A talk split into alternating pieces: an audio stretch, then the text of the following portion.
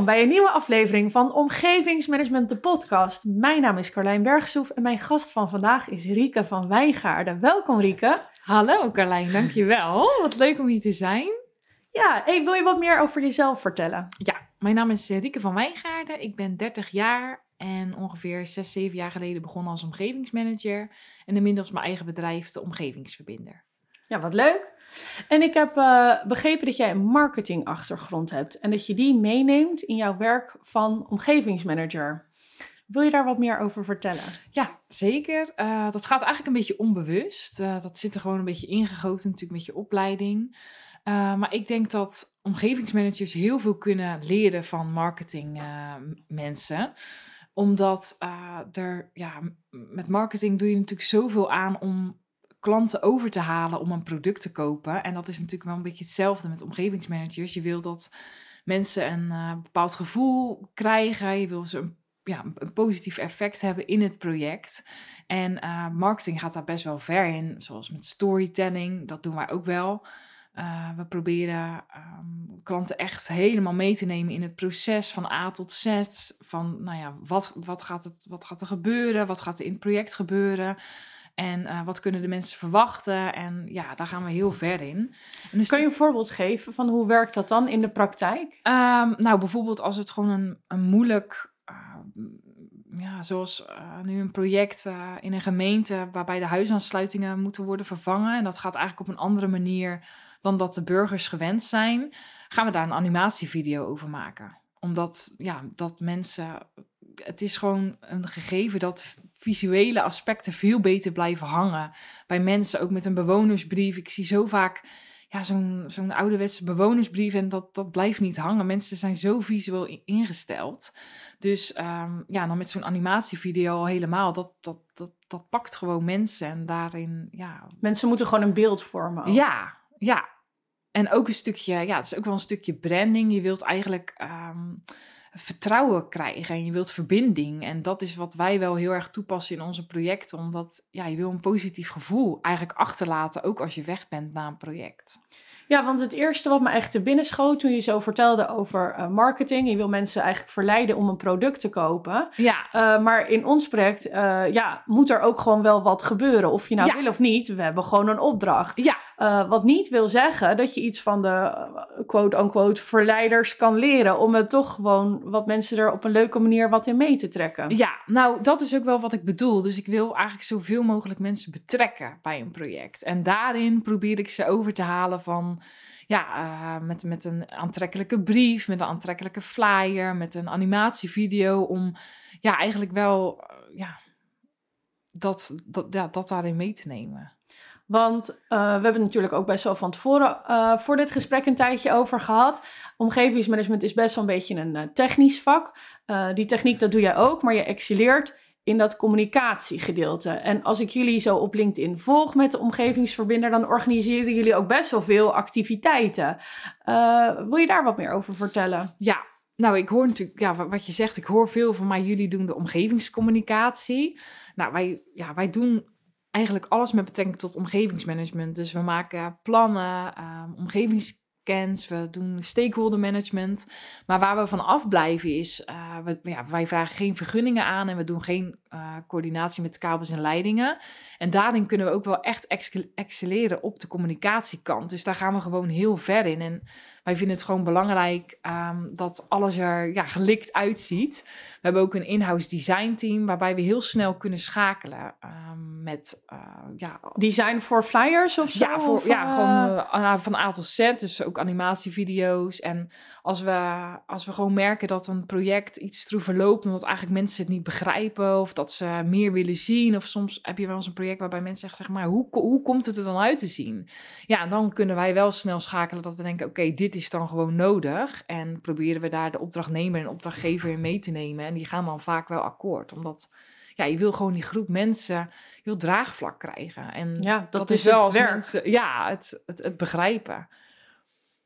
Ik vind dat misschien wel een mooie, want we hebben uh, ter voorbereiding op deze aflevering twee vragen gehad. Dus misschien is het wel een mooie om, uh, om uh, de eerste voor te leggen van Mark van der Kooi van de Bouwapp, die ook zeer gewaardeerd gast is geweest hier in de podcast. En die vroeg, wat is nou een project waar je het meest trots op bent geweest en waarom? Ja, dat is denk ik een van mijn eerste grotere projecten geweest in, voor de gemeente Rotterdam in, in, in Hillegersberg, Kleiweg.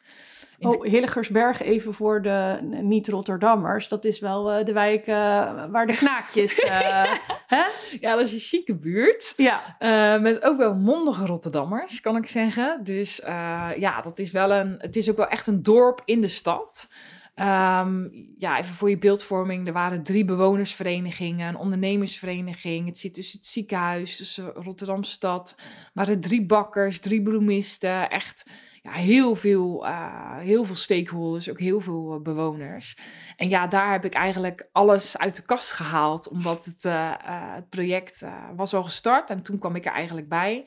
En uh, mensen wisten daar ook heel snel de media te vinden. Dus als er bijvoorbeeld een ondernemer iets op Facebook had gepost, dan stond dat een dag later in de krant. Dus er moest echt wel wat ja, gaan gebeuren daar. En ja, de feestdagen waren in vooruitzicht. Kerst, Sinterklaas. Ik ben ja, zelf wel echt uh, een, uh, een type daarvoor. Dus ik vind het dan ook gezellig. En wat ik daar allemaal heb gedaan is nou ja, sowieso de bouwapp ingezet. Um, en ik merkte dat daar de bewoners, ja, ik heb echt A3 flyers gemaakt, zodat mensen heel goed de informatie konden, konden zien. Het waren ook met name technische tekeningen. En uh, de ondernemers zaten allemaal in heel zwaar weer, omdat er een heel lang werkvak werd afgezet. Dus uh, ja, de, ze waren bang dat de klanten niet meer kwamen en dat ze ze niet meer zagen. Konden mensen dan alleen maar te voet bij ze komen? Ja, of, alleen uh, maar te voet. En ze okay. moesten echt wel omlopen, 800 meter. Dus dat is best een flink stuk. Ja, dan moet je wel echt willen, zeg maar. Ja, ja, en uh, ik heb alle ondernemers daar op de foto gezet. Uh, en met bepaalde quotes erbij. En dat heb ik helemaal uh, rondom de bouwplaats opgehangen. Nou, sowieso was het natuurlijk een hele grimmige sfeer zo in die wintermaanden. Dus het gaf al heel veel kleur. En die ondernemers zagen echt wel dat wij ons best deden om ja, hun gezien te laten worden. Uh, en daarnaast had ik een inlopen spreekuur. En ik had daar een uh, Sinterklaas clubhuis van gemaakt in tijden van uh, december. Zodat ik met de ouders kon praten over de werkzaamheden. En de kinderen konden bij mij knutselen. Een Pieten Sinterklaasmiddag gehouden. Maar ik heb ook met de, met de bloemshops daar een, uh, knu een uh, knutselmiddag, een uh, bloemschikcursus gedaan, waarbij mensen zich gratis konden inschrijven. Dus ja, er ontstond echt een soort community.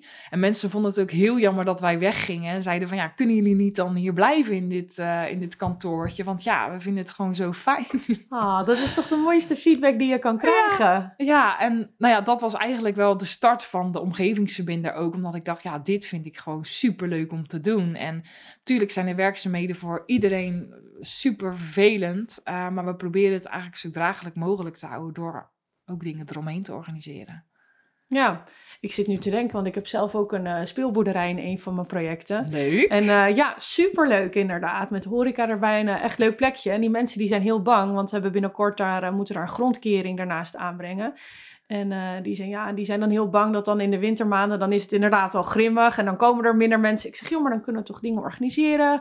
Gewoon iets met een leuke kleurplaat of zo. Want al die kinderen vinden die grote machines echt wel irritant. En de connotatie, of uh, irritant, interessant vinden ze het. En wij denken dat, uh, dat de volwassenen erop afknappen. Maar volgens mij, als je het een beetje omdraait, kan je er ook gewoon wel echt iets leuks van maken. In, ja.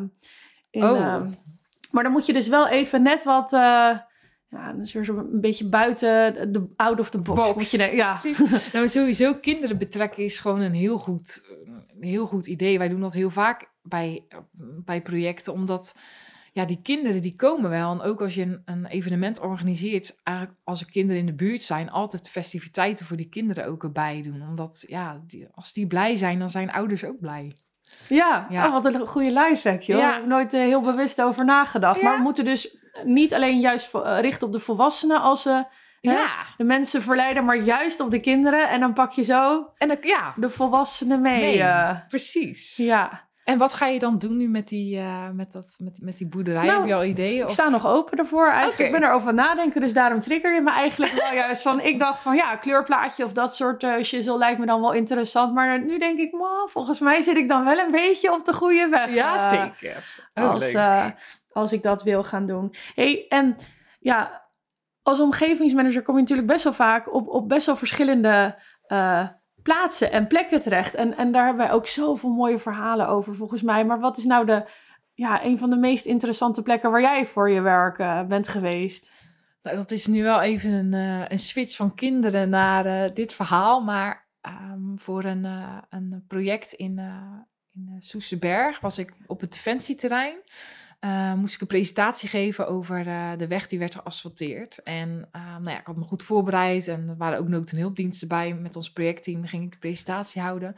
En toen kwamen er dus echt vijf generaals, kolonels binnen gemarcheerd met nou ja... Uh, Gemarcheerd ook echt? Ja, ze waren echt volledig in tenue en die gingen zitten. En toen dacht ik wel even van, wow, waar ben ik beland? En uh, ik werd er ook wel heel zenuwachtig van, moet ik zeggen. Maar het is wel goed gegaan.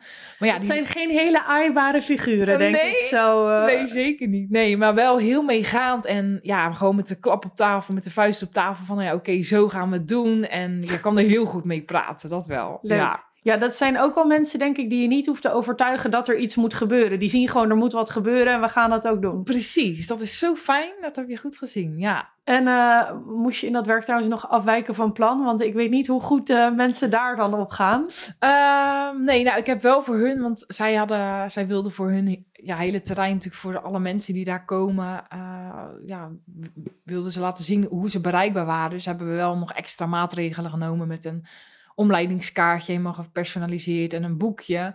Uh, maar nee, niet echt uh, van dat plan afgeweken. Nou, dat is meestal wel uh, ja. goed nieuws, toch? Ja. ja. ja. Nou, ik denk trouwens dat je als militair toch ook wel moet kunnen omgaan met...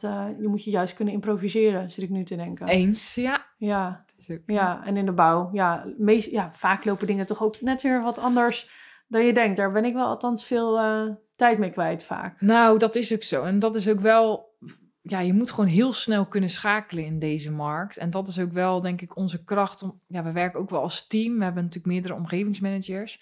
En als er dan ja, iets snel moet gebeuren of snel moet wijzigen, dan, uh, dan kunnen we dat allemaal oppakken. Ja, nice. Dus en, jullie vangen elkaar ook een beetje op en jullie supporten elkaar. Ja, en ook zelfs met bewonersbrieven bezorgen. Soms ben je gewoon zo afhankelijk van een partij. Uh, dat doen we ook gewoon zelf. Oké. Okay. Dus dat we echt alles proberen in-house te doen. Nou, dat is wel uh, handig, ja. kan ik me zo voorstellen. ja. ja. Hey, en ik had ook nog een onwijs leuke vraag ontvangen van uh, Boris ter Brunsveld van uh, Quattro Expertise. Die vroeg van, goh, als jij nou iets in één keer in de bouw kon veranderen, wat zou dat dan zijn? Leuke vraag. En ja, wat me dan het eerste te binnen schiet, is dan toch wel meer vrouwen echt op de bouw, in de bouw, op de bouwplaatsen. Want dat, uh, ja, die kom ik echt bijna niet tegen. Ja, die kan ik alleen maar uh, Ja, hardgrondig beamen, inderdaad. Ja, ja, ja, het is heel gezellig met die gasten. Ja, maar een beetje vrouw. Ja. Is wel mooi, hè? Ja, zeker. Ik Ja. was laatst bij een project en eh, daar eh, keek, ja, viel ik echt van mijn stoel. Want er kwam dus het hele team binnenlopen en ook dus een, een, hele jonge meid erbij. Die zat op de graafmachine.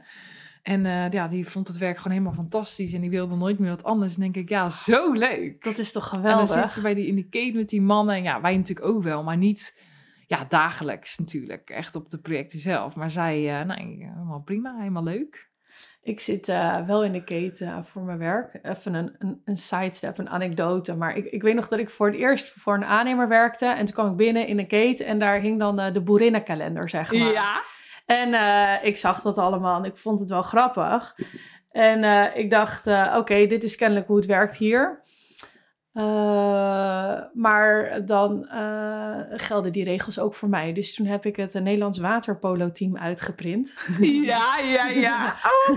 Maar ik had per ongeluk eerst op de printer laten liggen. En toen, toen hoorde ik opeens iemand schreeuwen... Wat is dit hier nou?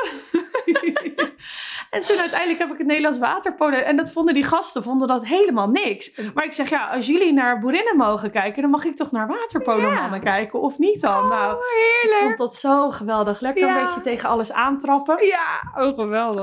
Nou, wij hebben het hier wel veel vaak over. hoor. Want eigenlijk in elke keten waar wij wel binnenkomen, daar hangen eh, alle blote dames eh, om ons heen. Maar ik mis ze nu als ze er niet Ja. Oh ja. Ja, maar je ziet toch wel een beetje als je dan in een serieus gesprek zit en dan kijk je een beetje om je heen dat je denkt van, ja, eh, je probeert wel even serieus nu door te gaan, maar je wordt ook wel een beetje afgeleid door eh allemaal. Ja, die, nou eh, ja, als je maar genoeg boerinnen dan valt het niet meer op, volgens mij. is waar. Oi, oi, oi. Hey, Ehm, ik wil nog één ding aan je vragen. Als je één iets ter inspiratie mee zou kunnen geven aan andere omgevingsmanagers, wat zou dat dan zijn? Leuke vraag. Ik denk dat dat is ehm, successen vieren, mijlpalen vieren.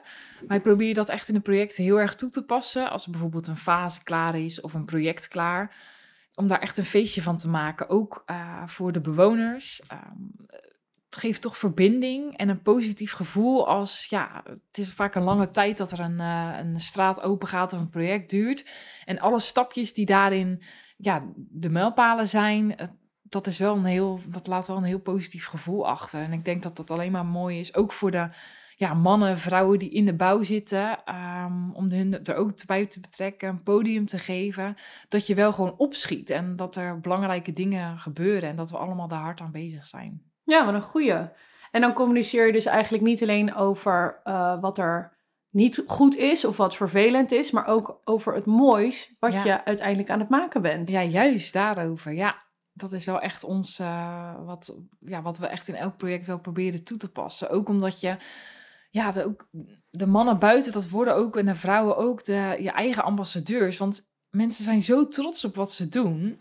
En als ze dan jou een berichtje sturen, kijk Rieke wat er vandaag is afgemaakt. Of nou ja, superleuk om dat ook dan weer een podium te geven. En met z'n allen proberen dat positieve gevoel uh, te krijgen. En daarmee ja, het vertrouwen ook wel te vergroten. Ja, gewoon goede vibes creëren. Ja, dat. Ja, heel leuk, heel leuk. Rieke, ik wil je heel graag bedanken voor je verhaal. Hartstikke leuk dat je te gast was uh, vandaag. Dankjewel uh, voor je fijne gesprekjes en uh, nou ja, tot de volgende keer. Ja, tot de volgende keer.